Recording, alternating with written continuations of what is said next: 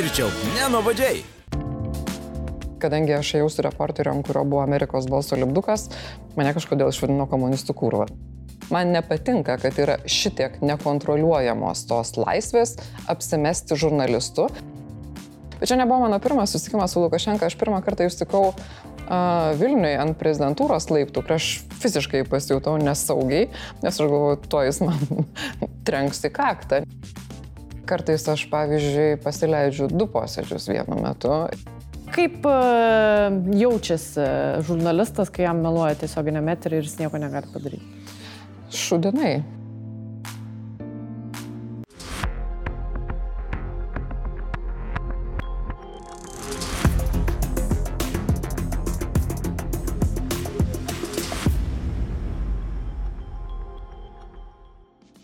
Tai tai mes kiekvienam savo pašnekovui užduodam tris klausimus ir tą klausimą turim užduoti tau. Nors tu esi Tris žurnalistas. Turėsi tik tai tris klausimus. Kokios yra tavo politinės pažiūros? Nesakysiu. Ar tu save laikai tikinčių žmogumi? Mm, Iš tikrųjų, ne, mat, ne, ne, aš nesu praktikuojanti katalikė, jeigu tąją prasme klausimas. Ar aš tikiu kokiu nors visuotiniu gėriu ir jo pergalę? Turbūt taip, bet jau čia toks negudrus turbūt atsakymas. yra. O kaip tu supranti savo rolę valstybėje? Ką nors padaryti dėl jos? Gero. Geriau, geriau. jau. Geriau. Jeigu išeina.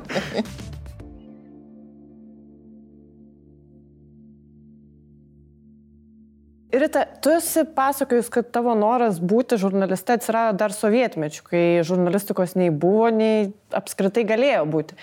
Iš kur tuomet atsirado tas noras būti žurnaliste?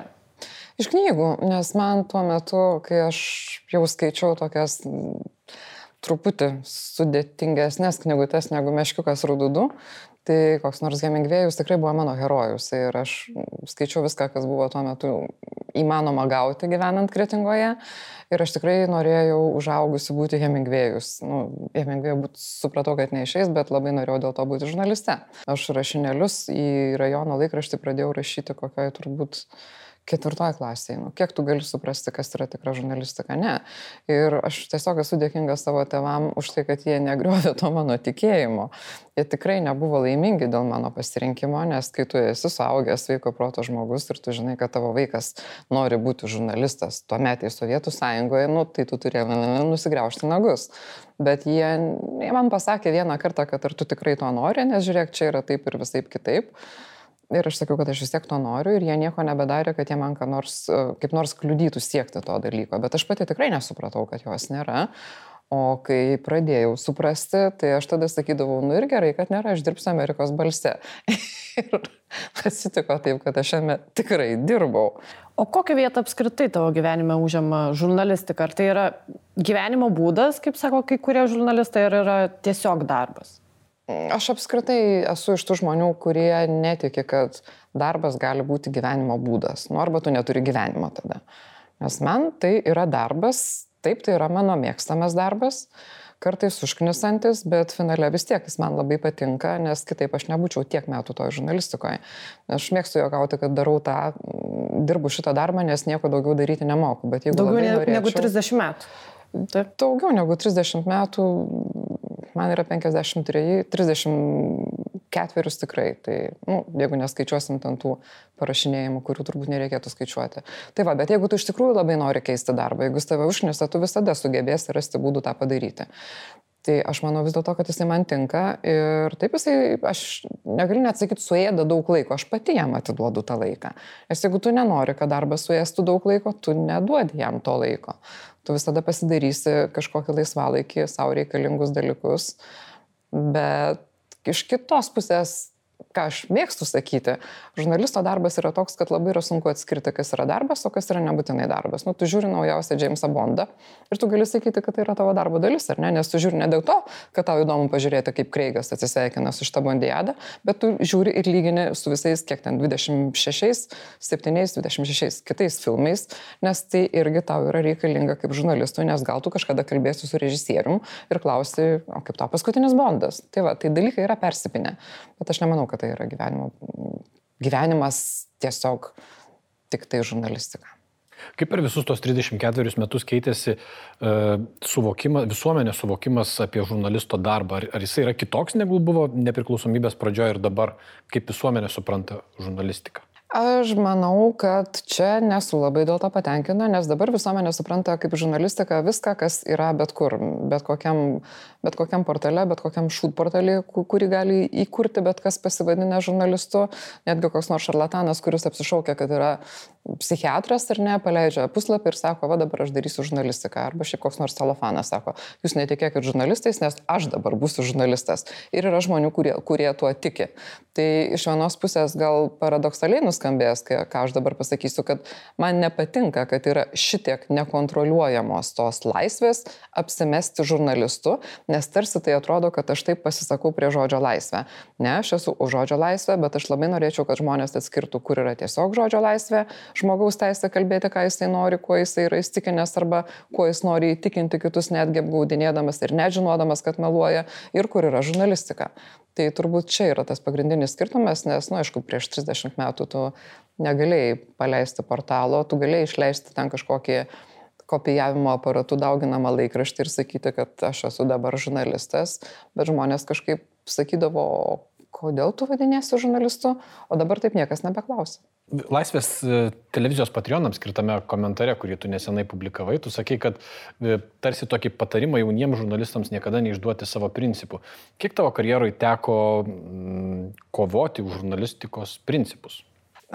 Gali atrodyti, kad nieko daugiau ir nedariau, tik tai iš tiesai kovodavau, bet ne, man tiesiog kažkaip taip nutikdavo, kad e, didžiąją gyvenimo dalį aš tikrai turėjau protingus viršininkus.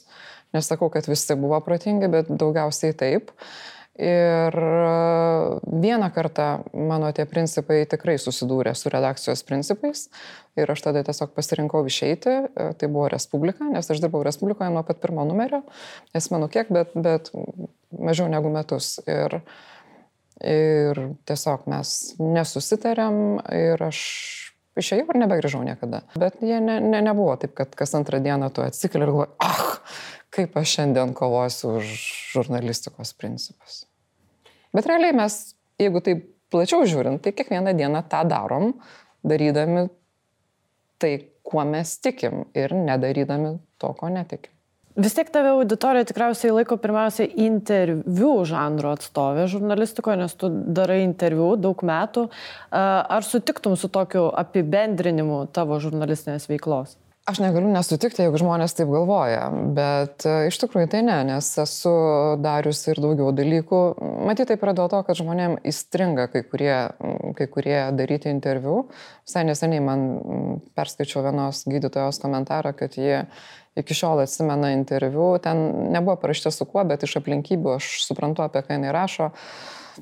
Buvo prieš, nežinau, 20 metų. O, gerai. Tai kažkaip Tai va turbūt dėl to, nes iš tikrųjų aš pastaruoju metu nežinau, nu taip aš darau interviu, bet ne jie yra tokie labai jau ten mirtinai įsimintini, kad tu kitus 20 metų atsimintum. Bet mm, ne, aš net manau, kad tai, ką aš darau Facebook'e, irgi yra kažkokia tam tikra prasme žurnalistika, bet žmonės vis tiek yra linkę galvoti, kad aš esu interviu darytoja daugiau negu kažkas kitas. O tau dėl to skaudu kažkiek, nes taip. Ne, man neskaudu, man iš tikrųjų kaip. Ne, man neskaudu. Ne, man tikrai neskaudu. Aš kartais bandau suprasti, kodėl taip yra ir vat, kai ieškau pati savo atsakymų, tai galvoju, kad matyt, aš tiesiog esu padariusi tų gerų interviu, dėl, dėl to žmonės atsimena. O kaip tu apibūdintum savo stilių? Ar yra, nežinau, rytai miliutai būdinga kalbinimo taktika kokia nors, kurią tu esi susigalvojus? Mm, jeigu jinai ir yra, aš nežinau jos. Tai, turbūt, kad ne. Turbūt yra rytai militai būdinga kalbėjimo, ta tokia klausimų uždavimo maniera, kur ir dviračio žiniuose tapo personažu ir taip toliau. Ar tai yra toksai tavo apgalvotas, nežinau, personažų turbūt tai netinka vadinti, tokia apgalvota laikysena laidose, ar tai tiesiog natūraliai tau gaunas? Čia dabar apie dviratį klausi? Ne, ne, ne, aš klausiu apie tai, apie, apie, tai, apie tą tikrąją medžiagą, iš ko atsirado ir dviračio personažas, apie tai, kad tu iš tikrųjų turi savo laikyseną laidose, jinai tokia yra šalto veido, poker face'as toksai. Ar tai tau natūraliai gaunasi, ar tu, ar tu taip sąmoningai apgalvoji, kad vat, mano laikysena bus tokia laidose? Taip, ne, negaliu apsimesti, kad tai atsitiko netyčia. Aš visą laiką stengdavausi va, tą poker face užsidėti, kad nu, iš tikrųjų tu neišsiduotum ten akių kampučių, galvoju, kaip fainai, aš dabar tave čia pagavau, lei, lei, lei, maždaug viskas, aš jau čia turiu, ką noriu, tai ne? Bet nes aš nemanau, kad turi krikštauti, kai darai dalykinį kažkokį interviu, o ne, o ne, o ne portretą, kaip mes vadintumėm, profilinį interviu. Taip, tada tu gali žaisti su tuo pašnekovu kartu, jeigu jisai atsiliepia į žaidimą ir kartu juoktis, kartu ten liūdėti ir panašiai. Bet jeigu mes kalbam apie žinias, nu, tai būtų geriau, kad nelabai matytųsi ar ne. Ir tai ne visada išeina. Ir vėlgi negaliu sakyti, kad kiekvieną kartą tai išeina visiškai nekontroliuojamai, nes, nu, mes visi save kontroliuojame eteryje, ar ne? Tu gali nusičiaudėti nekontroliuojamai, nes yra dalykų, kur tu negali kontroliuoti, bet mimika yra toksai dalykas, kad nu, tai irgi gali būti darbo įrankis.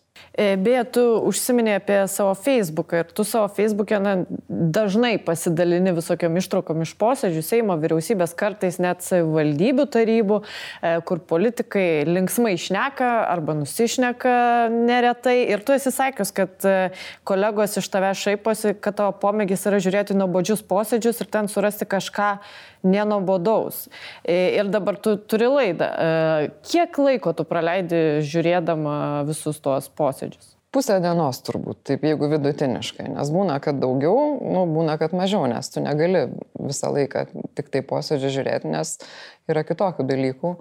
Bet kartais aš, pavyzdžiui, pasileidžiu du posėdžius vienu metu, ir, nu, nes kitaip neišeina, tu negali spėti sužiūrėti. Aš dabar turiu du redaktorius, tai jau yra didžiulė pagalba, nes anksčiau aš vieną pati žiūrėdavau. Kai, kai laida prasidėjo, laida prasidėjo pirmą sezoną, aš žiūrėdavau tik tai vieną, nes ne taip ir prasidėjo, kad tai buvo kaip ir toks mano hobis.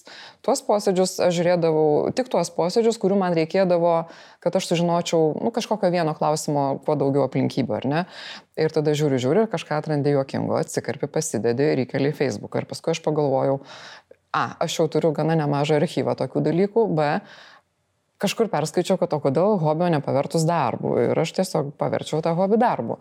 Tai va, bet paskui atsirado du redaktoriai ir mes dalinamės, susirašom ryte, kas ką pasiima. Ir aš kadangi nuo jų paprastai atsilieku, tai man kartais reikia nu, tiesiog dviejose šaltiniuose pasileisti du skirtingus posėdžius. Tik tai, tai turi būti, negali būti du Seimo posėdžiai, nes tu susipainioji žmonėse. Tai gali būti, nu, nežinau, biržų savivaldybė kokia nors ir Seimo posėdis arba Seimo komiteto posėdis. Ta prasme, turi būti skirtingi žmonės. Ir tada tu eina tau tas rautas prausis, tu kažką girdi ir ausis užsikabina jau, kai išgirsti kažką, ką reikia atsikirpti. Aš norėjau klausti, ar tu turi archyvą tų citatų, nes labai dažnai būna, kad tu įdedi kažkokią istorinę su, tuo, su naujais įvykiais susijusią citatą iš kažkokio posėdžio. Turiu. O tu prisimeni, ką kažkada kažkas yra sakęs, nes kartais atrodo, kad politikas kažką pasako ir tu įdedi citatą to politiko, kuris priešingai sakė Kartai... prieš kažkiek metų, sakykime taip. Ar, ar žurnalistų reikia geros atminties, kitaip tariant? Reikia. Aš kartais prisimenu, kartais man reikia paieškoti, čia netgi du skirtingi klausimai yra. Tai taip, aš kartais prisimenu ir taip žurnalistų tikrai reikia geros atminties. Ta politinė atmintis turbūt yra ir žurnalisto profesionalumo ir jo patirties toksai, nežinau, valiuta kažko, kažkuria prasme? Manau, kad taip. Aš neatsimenu visko, ką aš norėčiau atsiminti. Aš žinau porą žmonių, kurie apskritai turbūt nieko neužmiršta, jie turi fenomenalią atmintį. Tiem galiu paskambinti ir sakyti, žiūrėk, ten 98 metais, nu, kaip ten buvo ir tau pasakys, kaip ten buvo. Tai aš tokios neturiu. Man kartais, labai dažnai, ne kartais reikia pasitikrinti. Tai, tai aš jiem pavyzdžiu tam žmonėm. E, pakalbėkime gal apie tavo tokius, bent jau mūsų nuomonė, ryškiausius interviu e, arba su ryškiausiais žmonėmis interviu. Tu esi darius interviu su Hillary Clinton, tuometinė JAV valstybės sekretorė. Gal galėtum papasakoti to interviu už kulisius? Kaip tik pasakojau Vilniaus universiteto studentams prieš kelias dienas, tai iš tikrųjų buvo toks įsimintinesnis interviu, ne tik, kad tai yra Hillary Clinton, bet ir jo atsiradimo aplinkybės. Aš gavau patvirtinimą, kad tas interviu gali būti. Buvau sodyboje kaime, šimtas kilometrų nuo Vilniaus, tuo metu čia senokai buvo. Čia gal 11 metais. 11 panašiai, prieš plus minus 10 metų. Tikrai neturėjau interneto ir aš suprantu, kad man reikia išsiųsti temas į valstybės departamentą. Ir aš sėdžiu tam kaime ir galvoju, kodėl, kodėl. Nu ir tada važiuoju į Varieną ir ieškau, kur man, iš kur pasiūsti mailą. ir nuėjau į, dabar neatsimenu, galiu suklysti, arba Varienos mišką, ar Dzukijos miškas, ar Dzukijos mediena, kažkaip taip, iki, reiškia, parduotuvės antram aukšte, randu, kad labą dieną, gal galima iš jūsų mailą išsiųsti. Nu, galima, sako, tai va, ir aš gavau kompiuterį, leido prisijungti prie savo mailo ir, ir State Departmentas gavo mailą iš, iš Varėnos Dzukijos ar Varėnos. Dzukijos miškas, man atrodo. Tai, tai va, tai kažkaip taip. Šiaip buvo ten įdomus dar, kad aš iš, išsinešiau iš namų Labradorės Doros plaukų ir jie paskui atsirado ant, ant tos Clinton kūno dalies, kur nugara praranda savo pavadinimą. Nes aš tiesiog buvau pasidėjusi jos kėdėjai, nusistatyti apšvietimą ir taip toliau, ir po to jau po intervo, kai jinai atsistoja, aš taip žiūriu, galvoju, okei. Okay. O kaip tu prisimėjai patį interviu? Kažkaip labai melai, jinai tikrai yra labai gera pašnekovė, kaip ir dauguma vakarų politikų, bent jau kuriuos man yra tekę matyti iš arti ir kalbėtis, jie, jie nebando, arba jeigu jie bando pabėgti nuo klausimo, jie daro tai labai elegantiškai bet jie nesako, jūs netaip supratote, arba čia netiesa ir šis, ką jūs čia sugalvojate, tai tikrai labai, sakyčiau, klasikinė ne Trumpo stiliaus politikė. Kalbant apie Trumpo stilių, tai vienas turbūt įsimintiniausių interviu, vėlgi žiūrint iš mūsų perspektyvos, buvo su Aleksandru Lukašenka. Gali papasakot, kaip jūs darėt tą interviu kartu su Edmundu Jekilaičiu, kaip jūs iš vis jį gavot? Bandėm ilgai ir nuobodžiai, veikiam, tikrai prašėm ambasados pagalbos, nes e, šiaip, ta prasme, Lukašenkos rūmai ignoravo mūsų. Aš nežinau, kaip Edmundas tą darė, bet Turbūt, kad taip, nebeatsimenu, mes turbūt kalbėjom, nes mes nevažiavam kartu, mes atskirai važiavam, jis tai su savo operatoriais, aš su savo Tik tai jau susitikom tenai vietoje ir be ambasados pagalbos tikrai nebūtume gavę ir tai buvo radikaliai kitoks interviu, tai buvo anksčiau negu su Hillary ir kiek Hillary yra malonus, nebūtinai patogus pašnekovas, bet malonus žmogus tiesiog, jinai yra, nenori tavęs ten kažkaip įbauginti, išgazdinti ir pažeminti, tai Lukašenka yra idealus tais visais požiūriais maždaug, a, aš esu caras, o jūs čia jau maždaug, ką jūs čia išsigalvojate ir visa kita. Uh, Ir dar buvo labai jokinga, kad e, mes kalbinom vienoje prezidentūros e, Lukašenko salėje, o kitoje sėdėjo tiesiog gauja, buvo pasodinta baltarusių žurnalistų ir jie galėjo stebėti tą mūsų interviu monitoriuose kažkodėl. Tai man tai buvo tokia pakankamai nauja praktika ir aš niekada daugiau tokios niekur nesumačiusi. Tarsi, jiems buvo leista pažiūrėti, kaip mes imam interviu. Tai toks keistokas dalykas. O jie paaiškino, kodėl? Ne, ten nėra įprasta aiškinti dalykų. Tiesiog jiems sakė, jūs čia sėdit ir žiūrit ir jie ir žiūri. Bet čia nebuvo mano pirmas susitikimas su Lukašenka, aš pirmą kartą jūs sutikau uh, Vilniui ant prezidentūros laiptų, kai buvo ten kažkoks samitas uh, rytų partnerystės rėmose, turbūt nežinau, nu, būsimos rytų partnerystės, nes tada dar nebuvo tos partnerystės. Ir uh, Aš kažkaip ir labai nedidelį atstumą jo kažinko paklausiau ir aš fiziškai pasijutau nesaugiai, nes aš galvoju, to jis man trenks į kaktą, nes, nu, toks patologinis atvejis yra iš tikrųjų. Ir kai tu iš labai arti matai Lukašenką, tie laiptai nėra labai platus ir matai tas jo akis, tu tikrai galvoji, kad tai nu, nėra adekvato žmogaus akis. Susidaro įspūdis, kad anksčiau žurnalistai, Lietuvo žurnalistai gaudavo interviu, nežinau, net iš JAV prezidento. Dabar mm, mes matom tarsi mažiau tokių interviu išskirtinių. Na, buvo tarkim, su Lenkijos prezidentu neseniai, bet ir tai nedažnai tokie interviu atsiranda. Kodėl? Ar nėra kalbintojų, ar keičiasi diplomatijos taisyklės kažkaip tai, ar žurnalistam tiesiog nebeįdomu tai yra? Aš nežinau, iš tikrųjų pati nebandžiau, bet aš manau, kad per mažai bando, nes tiesiog nu, reikia bandyti tą daryti ir tiek. Aš atsimenu pirmąjį Jasiro Arafato interviu Lietuvo žiniasklaidai. Tai tada dirbo Lanka, švedų Lanka, nes aš jaučiu didžiulį skirtumą tarp švedų Lanka ir ne švedų Lanka. Ir MG Baltiko Lanka. Ir MG Baltiko Lanka. ir aš kažkaip pradėjau derinti tą Lanka, Lanka, tą interviu ir mes jį gavom. Ir mes jį gavom tą dieną, kai aš turėjau pati išvažiuoti į Bruselį ir aš tu dideliausią nemailę atidaviau, nu, nes turėjau atiduoti tą intervą kolegai, Jekilaitis tada važiavo jo daryti. Turbūt dažniausiai tu ir negausi. Ir negausi labai lengvai, nes nu, vis tiek tie prezidentai, jie turi ką veikti ir be mūsų, ar ne? bet pabandyti niekada nemaišo. Tu esi kalbinusi labai daug, turbūt visus pagrindinius svarbiausius Lietuvos politikus ir esi turėjusi daug ir e, tokių konfliktiškų, aštrių interviu. Ar yra kokiu nors, kurie tavo atmintyje įstrigo ir iki šiol ir juos prisimeni su lietuvių, lietuvių politikais interviu? Nu tai tą prisimenu interviu su Prunskienė, kur ten labai visai pyko jinant manęs, aš ant jos ir tikrai kartojau klausimą, neatsimenu kiek kartų tiksliau dabar jau nebeatsimenu, nes kada nors buvau suskaičiavus, tai čia buvo per prezidento rinkimus. Nu, ir labai jokingas interviu irgi darėm kartu su Jokilaičiu, su Paksu, kai jis buvo ministras pirmininkas, tai tiesiog nusisekė mikrofoną ir išėjo ir taip. Mm. Čia prie cvirkos paminklo. Jo, tai kažkaip buvo labai jokinga. Bet daugiau. Ir dar labai gerai atsimenu irgi Paksą, kai jisai pavėlavo ateiti į panoramą, tuo metu ta dienos tema, nu, dieno, to metė dienos tema, vadinosi kitaip, dabar net neatsimenu kaip, bet tas aktualus interviu būdavo tiesiogiai transliuojamas. Ir jis pavėlavo ir atėjo ten per kažkokius užkulisius, žodžiu, labai juokingai. Administratorė turėjo keturiom atrailioti ten iki stalo ir jam kažkaip pristekti mikrofoną, nes jis pavėlavo ir atėjo ne pro tą pusę. Bet tai tokių dalykų tu iš tikrųjų negali užmiršti, nes jie yra, nu, jie yra kurioziški. Mhm tas pats interviu nebuvo labai mielas, fainas ir malonus, bet, bet aplinkybės, kokiom jis atsitiko, tai buvo lab, labai juokingos. Tu esi beje sakius, kad vienas labiausiai tau nepatinkančių arba užknisančių dalykų darbė yra, kai žmogus meluoja tau laido ir tu nieko negali padaryti, nes auditorija patiki juo, o ne tavim, ne žurnalistu.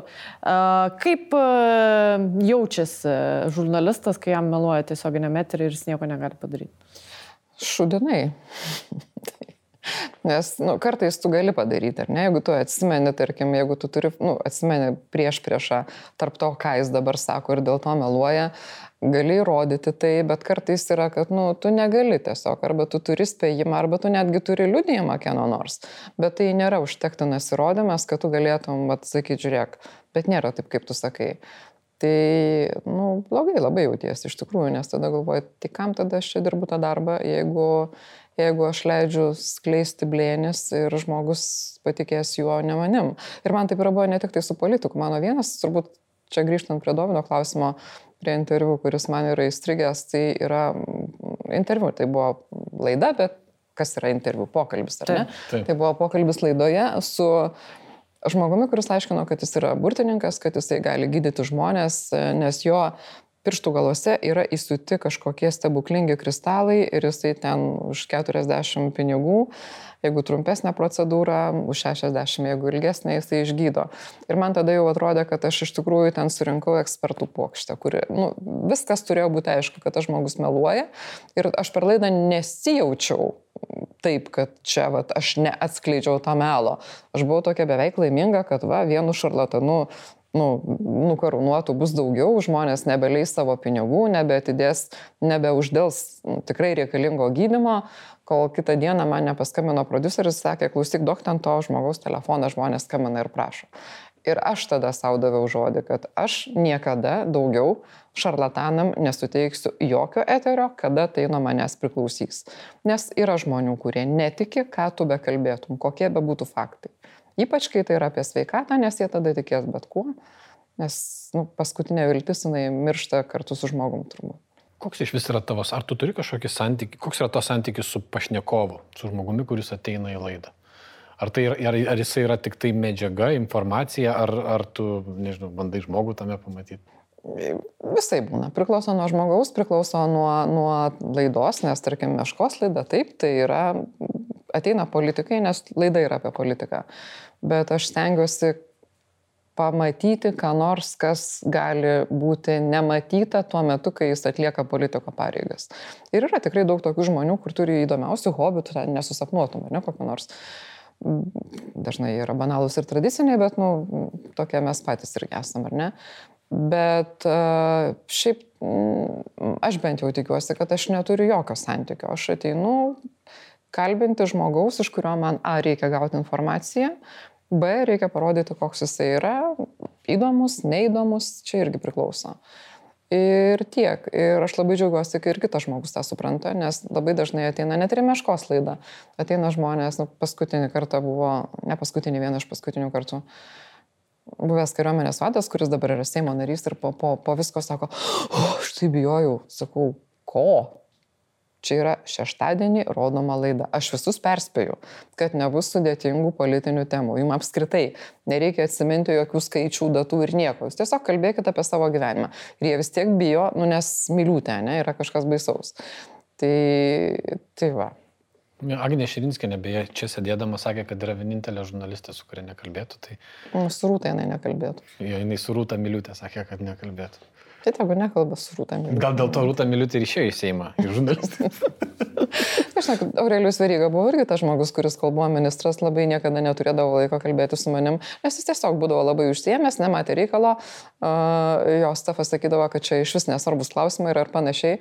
O važiuokit, baigėsi kadencija ir dabar, kai skaminu, sako, oi labas ryta. Saulis Kvernelis irgi panašiai tikriausiai. Ne. Dar ne. ne, bet mes su Sauliu Skverneliu susitinkam teismo posėdžiuose. Tai... Teisingai. Edmundas Sekilaitis pasakojo šitoje laidoje apie tai, kaip išeina po laidos su pašnekovais ir apie būdus nuimti įtampą, nes laida pasibaigė ir viskas. Kaip tu, koks tavo santykis yra? Tai ar tu turi būdų kažkaip po aštrios laidos nuimti įtampą, išlydėti pašnekovą kažkaip gražiai iš studijos ir taip toliau?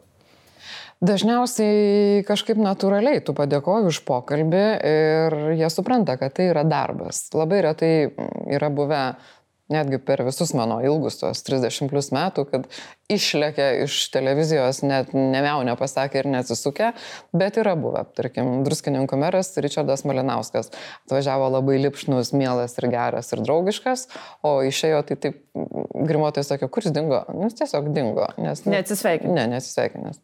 Tiesiog net netinka sakyti išėjus, išlėkė.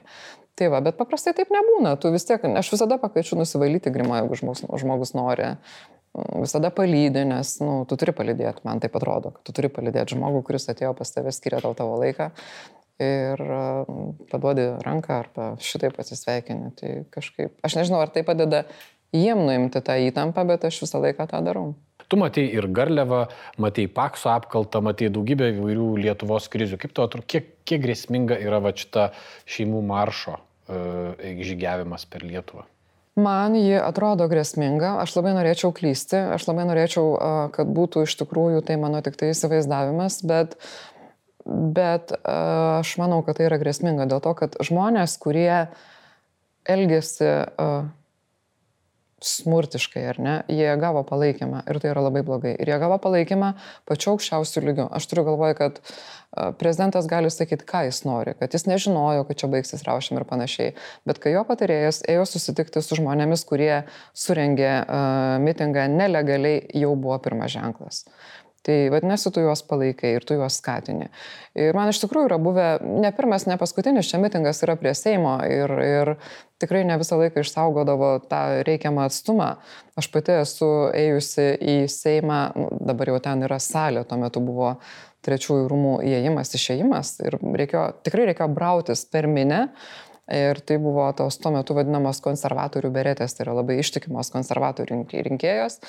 Ir kadangi aš ėjau su reporteriu, ant kurio buvo Amerikos balso lipdukas, mane kažkodėl išvadino komunistų kurvą. Nu nežinau kodėl, bet išvadino. Bet manęs niekas nestumdė. Ta prasme, aš fiziškai ėjau per labai nedidelį atstumą nuo tų piketuojančių, mitinguojančių ir kitaip protestuojančių žmonių, bet nebuvo to, ką mes matėm dabar. Ta prasme, kad žmonės yra tampomi, kad yra atimama iš jų technika ir panašiai.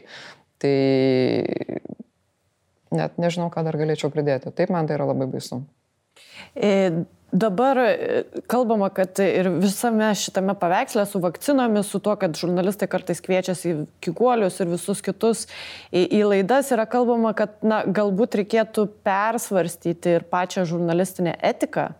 E, kaip tau atrodo? Aš nežinau, ar reikia persvarstyti, reikia tiesiog prisiminti, koks yra mūsų darbas. Ta prasme, kad nu, tu turi duoti, taip mes turim duoti daug nuomonių ir ne, kuo daugiau, to geriau.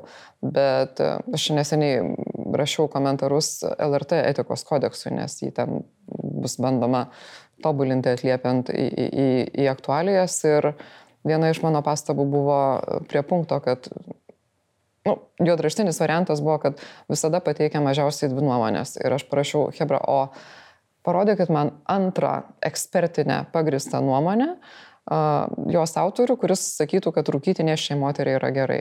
Nu, nėra antros nuomonės, nes yra mokslo ir sveiko proto grindžiama tik tai viena nuomonė, kai kuriais klausimais, ar ne? Tai, tai va, nu, nereikia bandyti visko sukišti kažkokius rėmus ir lentynas, reikia tiesiog pagalvoti, koks yra mūsų darbas. Ar mes turim leisti vapėti į eterį nesąmonės, ar mes turim siekti visom išgaliam, kad mūsų auditorija gautų patikimą informaciją. Tu jau ir, ir mūsų laidoje sakė, ir tu esi sakiusi, kad e, šiais laikais e, yra piknaudžiavima žurnalistika ir kažkodėl galvojama, kad kiekvienas gali būti žurnalistu. Ar gali išplėtoti šitą mintį? Ką turėjo omeny? Tai turėjau omeny, kad neužtenka pasivadinti žurnalistu, jeigu tu nežinai, kaip reikia rinkti informaciją ir ją pateikti. Tai vėlgi, nu, jeigu tu pateiksi septynias įvairias nuomonės apie tai, kad neščiai moteriai yra sveika, gera ir sveikintina rūkyti, ar tu būsi žurnalistas, ne, nu, tu būsi durnius arba melagis. Tai, tai va, tai tą ir turiu galvoje. O koks būtų tavo apibrėžimas, kas tau yra gera žurnalistika? Tai yra informacija, kuri yra patikrinta. Aš žurnalistiką suprantu kaip žurnalistą ir žurnalistiką, kaip filtrą nesąmonėms Ypač šiandien, kai informacijos yra nu, begalės. Tai aš savo darbą suprantu kaip padėti žmogui negaišti laiko tam, kam nereikia jo gaišti. Ir tarkim, Facebook'e nėra, kad aš ten kažką parašau bileką, kas man šauna į steilę. Nu, jeigu tai nėra grybas, nežinau, ar šiame tik keliau grybą. Bet jeigu aš rašau ką nors, aš noriu, kad, e, kad tie, kurie mane seka Facebook'e, žinotų, kad šito nebereikia tikrinti, nes kažkas jau uh, tai padarė už juos. Tai yra, kad aš patikrinau tuos dalykus. Tai va taip aš ir suprantu žurnalistiką.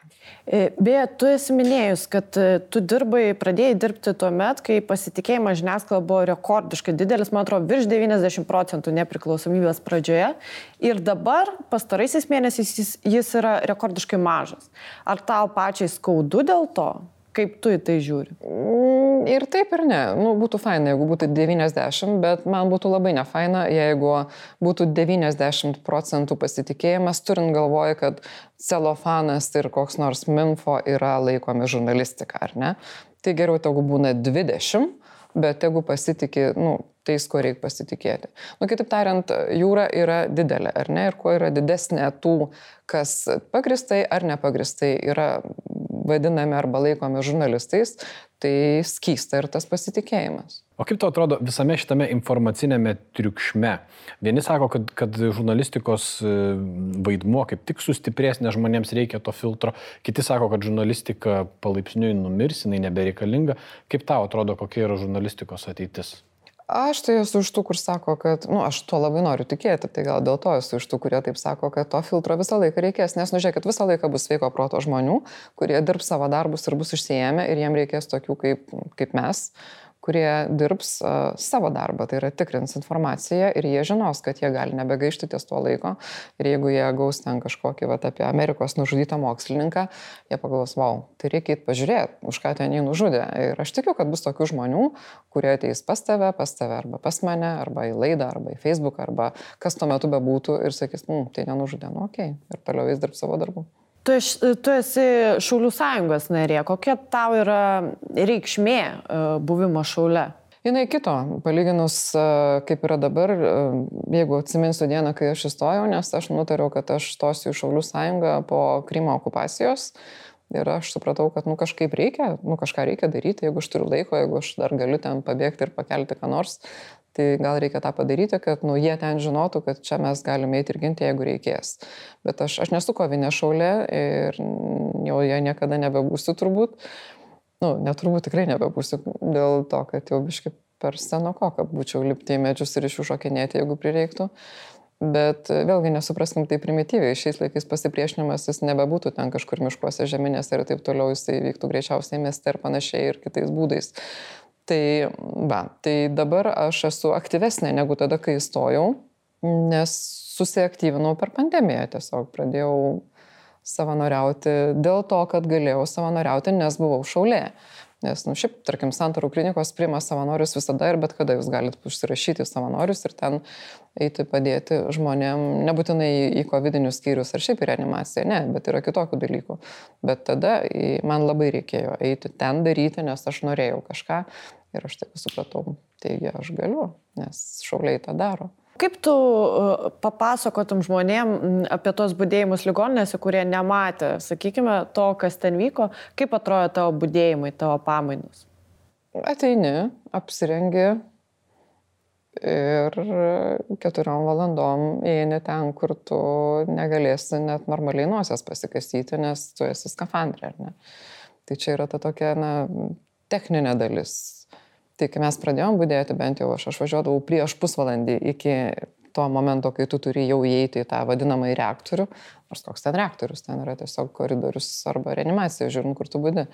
Bet nebuvo labai lengva išmokti greitai apsirengti teisingai, nes nuo to priklauso, ar tu užsikrėsi, ar tu neužsikrėsi. Tai, tai aišku, niekas nenori užsikrėsti, nes tada mes nebuvom skiepyti ir nebuvo jokių garantijų, kad nepasigausi to, to COVID. -o. Tai va, tai užtrukdavo, po to kažkaip įprasdavom ir apsirengdavom jau žymiai greičiau, per 10 minučių apsirengi. Iš tikrųjų, nusirengti trunka ilgiau negu apsirengti. O paskui eini ir darai, ką reikia. Jeigu reikia, eini išvežti šiukšles, kurių yra kosminiai kiekiai, nes viskas turi būti sunaikinama atskirai, nu, ne, negali būti niekas išmetama iš COVID skyriaus tiesiog kažkur į šiukšlių konteinerį, viskas turi būti sandariai supakuota, sudėta į tam skirtą vietą, iš kurios kažkas išves. Jeigu nėra šiukšlių, tai ne, jeigu reikia plauni grindis, jeigu reikia, tu eini čia tam normaliam COVID-19 skyriui, bet ne reanimacijai.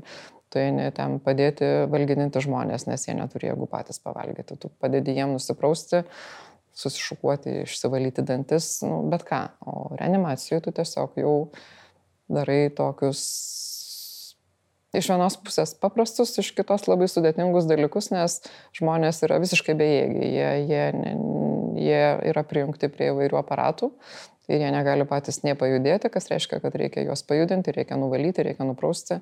Ar tie būdėjimai buvo emociškai sunkus tau? Buvo. O kas buvo sunku?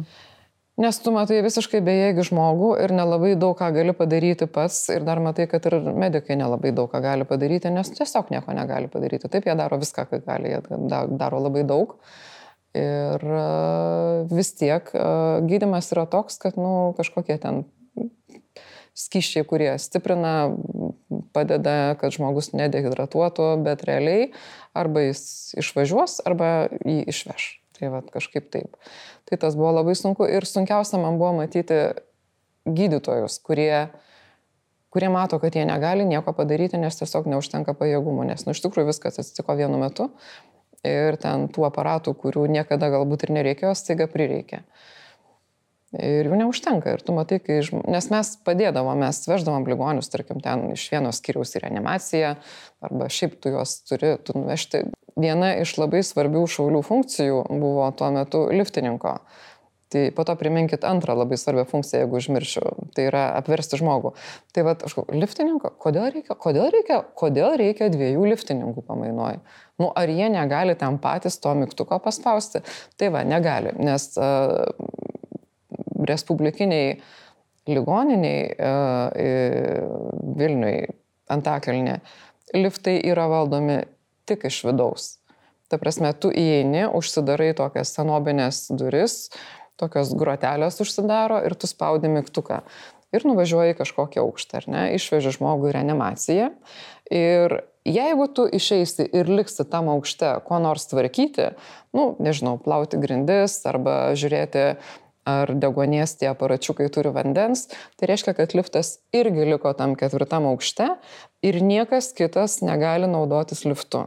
Tai dėl to liftui visą laiką reikia vairuotojo, ar kaip čia pasakyti. Tai tiesiog, kai tu veži gydytoją arba slaugytoją iš vieno aukšto į kitą ten per skirius, tu, tu girdi, kaip jie šnekasi ir tu girdi, kaip jie sprendžia, sako, žiūrėk, aš ten turiu žmogų, man reikia aparato, sako, bet man dabar labiau reikia. Ir tu supranti, kokį jie turi siaubą išgyventi. Ta prasme, jie turi nuspręsti, kam dabar pirmiau prijungti tą aparatą, kurio nu, tiesiog reikia abiem.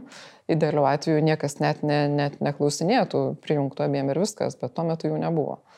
Tai va tas buvo labai sunku ir paskui buvo dar sunku jau tų sveikstančių reakciją matyti, kai Jie ten jau juos pastatė ant tų kojų ir jie sugebėdavo apibaupti e, žmonės, kurie jais rūpinosi, nes, nu, maždaug čia dar manęs neišvežė ir neišleido. Tu galėjai iš vis iš čia nebeišeiti.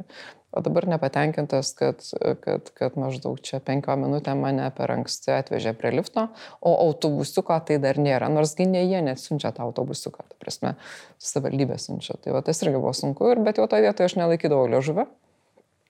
Ir vienam žmogui tiesiog pasakiau, kad jūs dabar einat ir atsiprašot šitų slaugytojų, kurios darė viską, kad jums būtų kuo geriau.